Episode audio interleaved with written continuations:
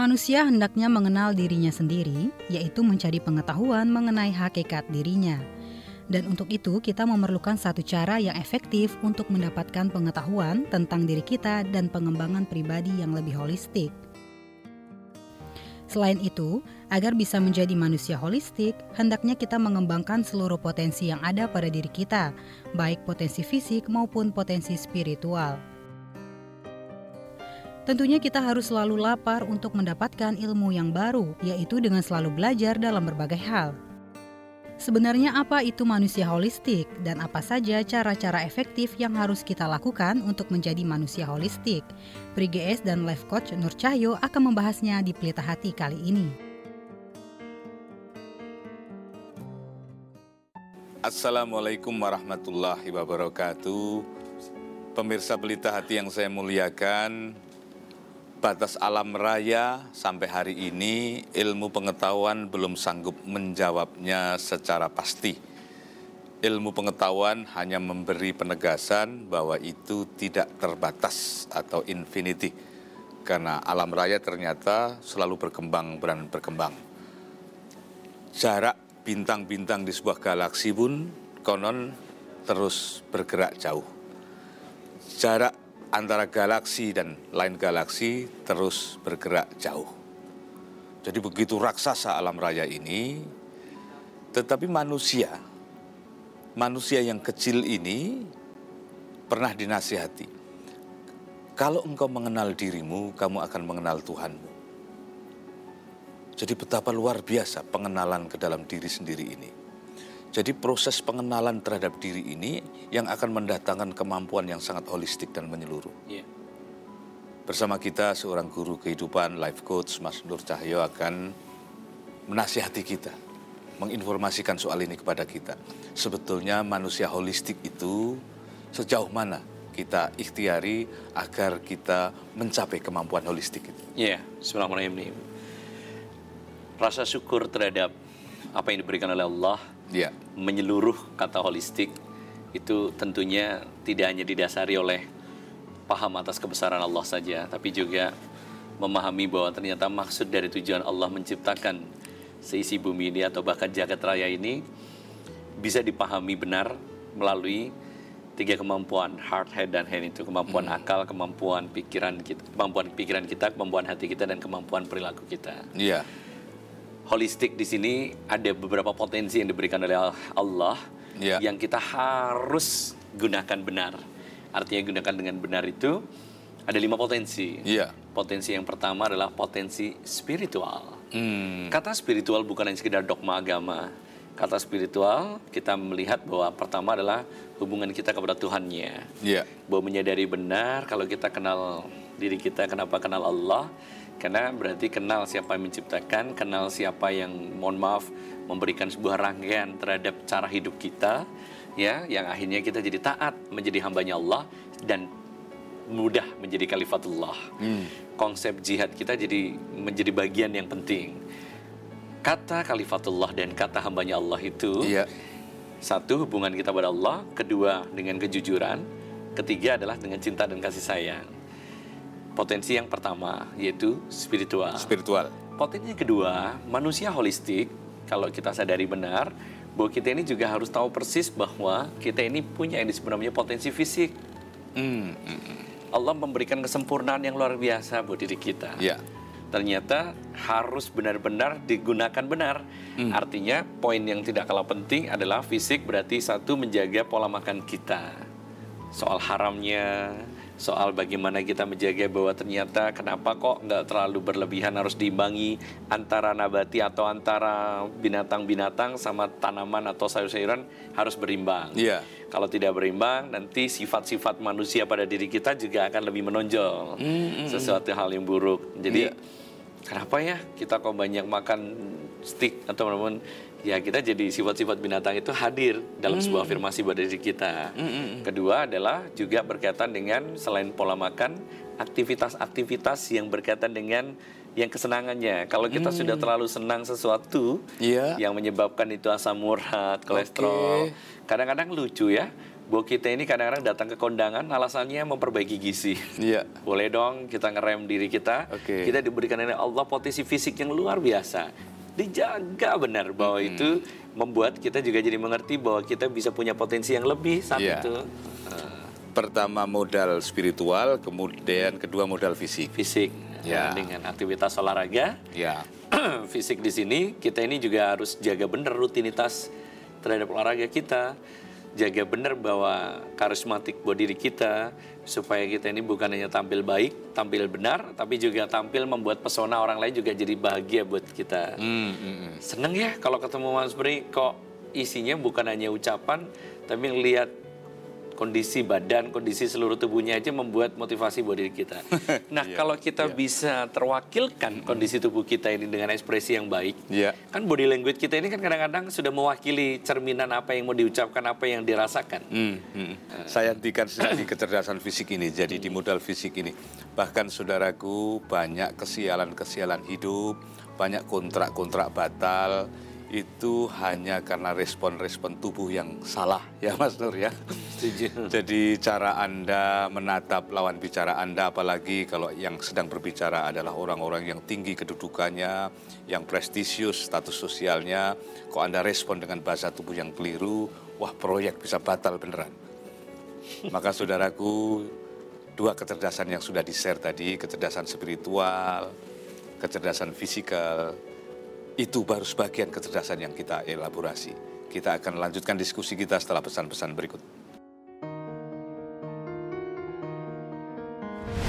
Saat kita duka, di situ ada satu bagian yang membuat kita juga menikmati rasa syukur kita. Mm -mm. Karena di duka itu bukan hanya pintu ilmu saja diperbanyak, tapi juga pintu-pintu cara Allah memberikan satu kasih sayangnya.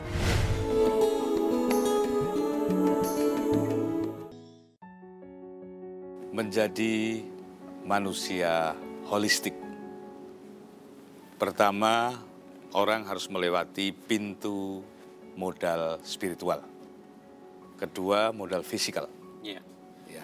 Karena body language itu kan bukan hanya sekedar ekspresi saja, ya. body language itu mewakili cara komunikasi kita. Iya, dan Jadi, mungkin juga cara nilai-nilai kita ya. teraktualisasi lewat gerak. Iya, setuju. Hmm karena aktualisasi itu kan bukan hanya saat kita bersuara, ya. tapi saat kita juga melakukan gerakan yang nggak pas di depan orang melihat jam, di depan orang ya sesekali garu-garu. Iya. Gitu. Nah itu ya memposisikan bahwa dirinya juga jadi mohon maaf salah tingkah dan tidak pernah memori itu juga terbuka dengan baik kan dengan kualitas yang ada. Jadi memang kembali lagi manusia holistik pemirsa di rumah yang insya Allah dirahmati Allah, konteks yang kita harus lakukan adalah potensi yang ketiga yang menarik adalah potensi akademik. Oh. Allah memberikan kesempurnaan kita juga untuk belajar, hmm. untuk mendengar, untuk bersuara, untuk melakukan sesuatu hal yang menyebabkan. Jadi kita ini bukan belajar konteks sekolah formal saja, S1, S2, S3 sampai S dong-dong pun nggak cukup sebetulnya. Iya, iya, iya. Artinya maksudnya bahwa kuliah kehidupan jauh lebih penting. Mm, mm. Berani menstimulus bahwa setiap persoalan itu yeah. antara duka dan suka tidak boleh dipisahkan. Oke. Okay. Saat kita duka, di situ ada satu bagian yang membuat kita juga menikmati rasa syukur kita. Mm -mm. Karena di duka itu bukan hanya pintu ilmu saja diperbanyak, tapi juga pintu-pintu cara Allah memberikan satu kasih sayangnya.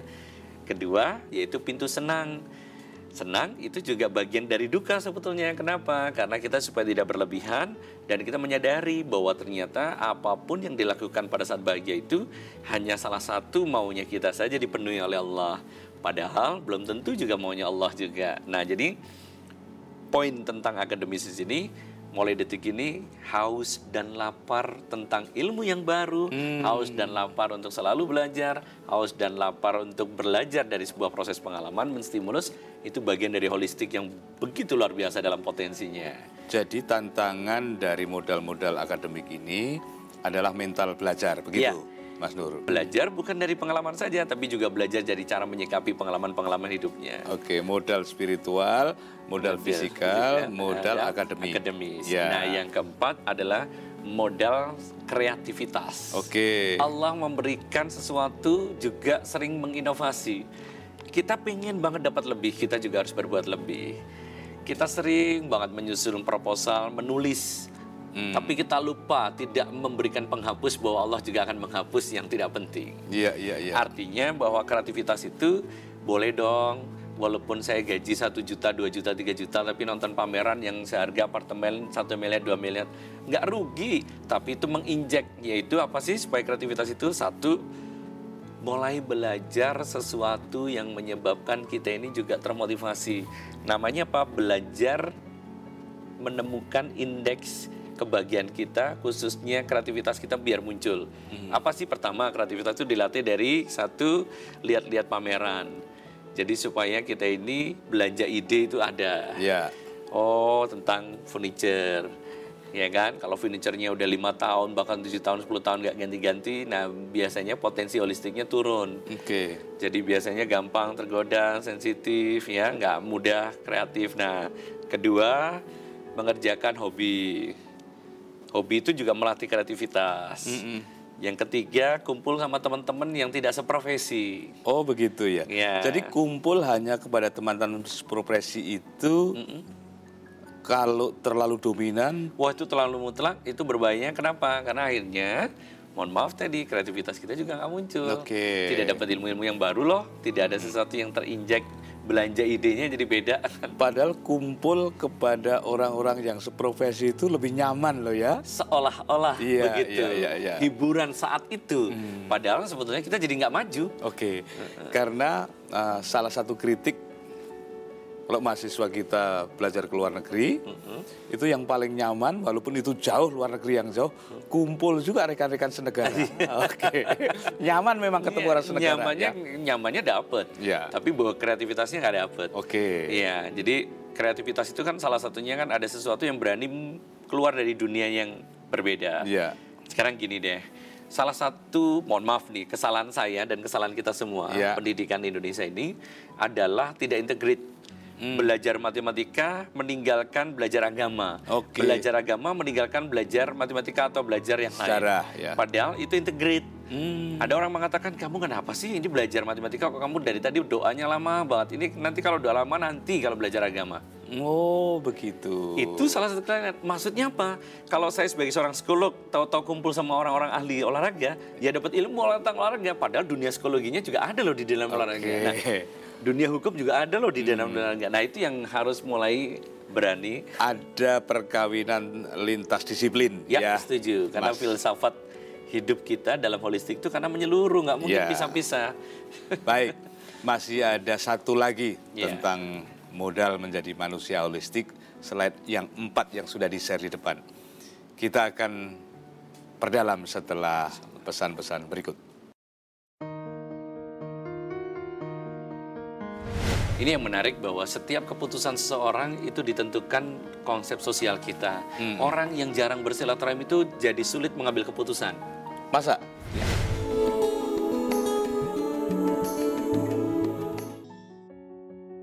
Jika engkau mengenali dirimu sendiri, maka engkau akan mengenali Tuhanmu.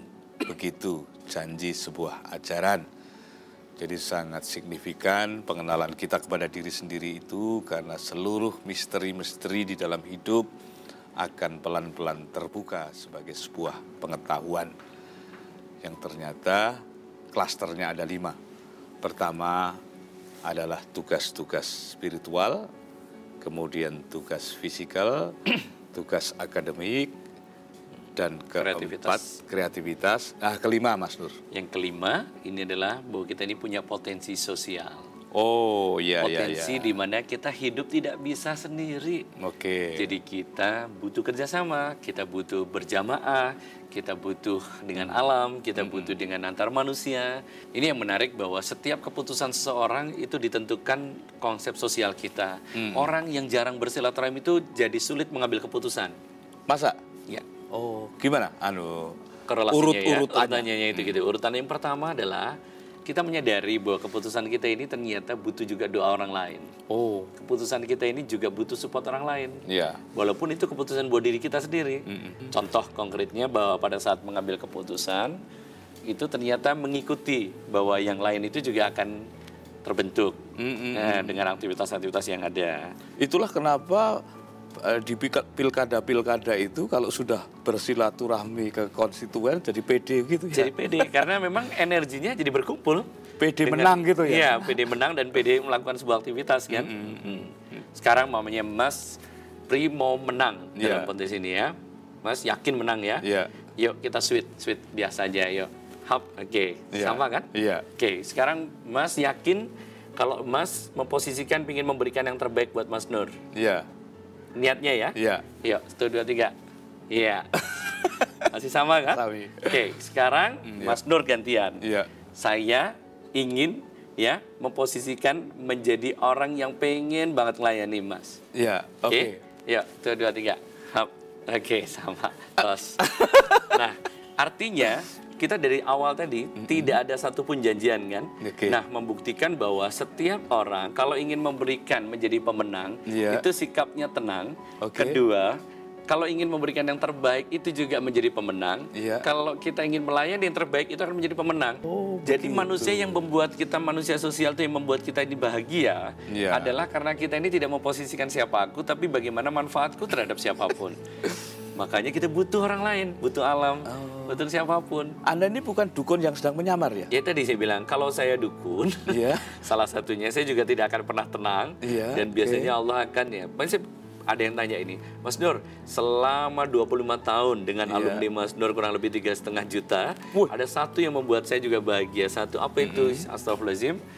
Tadi selama masih membesarkan nama Allah, Mas Nur akan diangkat. Kalau selama membesarkan nama Nur Cahyo, Nur Cahaya akan diturunkan dengan mudah. Oh. Jadi kita juga harus berhati-hati bahwa kita di TV atau di mana saja, ini bukan siapa Mas Nur, bukan siapa Mas Pri, yeah. tapi karena ini ada pesan Allah, yeah. walaupun sedikit, yuk kita hadirkan dengan kebersamaan yang oh, baik dengan kita. Pelita hati menjadi sesuatu yang mantap buat hidup kita nanti akhirnya. Waduh. Jadi modal spiritual. Spiritual, punya modal fisik kita, modal kita fisik jaga kita. dengan olahraga, jaga makanan Terus yang ketiga adalah kita juga punya modal akademik. Akademik. Kita, ayo belajar ayo terus. Belajar. Nggak uh. boleh pokoknya menjadi jiwa pembelajar sejati. Mas Nur, uh, modal akademik ini seusia saya sudah 52 ini, kalau masih pengen belajar bahasa asing tambahan gitu, masih mungkin nggak secara secara kelayakan spare ya. Asingnya mana dulu nih? Bahasa asing planet sana? Arab, Arab. Asingnya kalau Arab bisa banget. Oh, begitu. Pertanyaannya adalah hmm. belajar mau menunjukkan apa atau belajar bahasa asing untuk supaya bisa berkomunikasi dengan mereka. Nah, nawa itunya diperkuat. Oh. Biasanya kalau nawa itunya berkuat, pola belajar kita juga tidak hanya sekedar apa yang kita lakukan bisa, okay. tapi karena ada kebutuhan untuk bisa melayani buat mereka-mereka. Oh, orientasi kepada uh, orientasi tinggi itulah yang akan Iya, menyebabkan hmm. kita ini juga akan berhasil. Aduh. Ya. Matur suwun, Mas Nur. Sami-sami insya Allah. Pokoknya pelita hati menjadi pelita benar buat diri amin, kita. Amin, amin. Nur dan cahayanya pokoknya insya Allah harus hadir pokoknya. Amin. Saudaraku, itulah pelita hati edisi kali ini. Semoga bermanfaat. Kita amin, akan amin. ketemu di pelita hati berikutnya. Saya Pri GS. Saya Nur Cahyo Adikusumo. Assalamualaikum warahmatullahi wabarakatuh.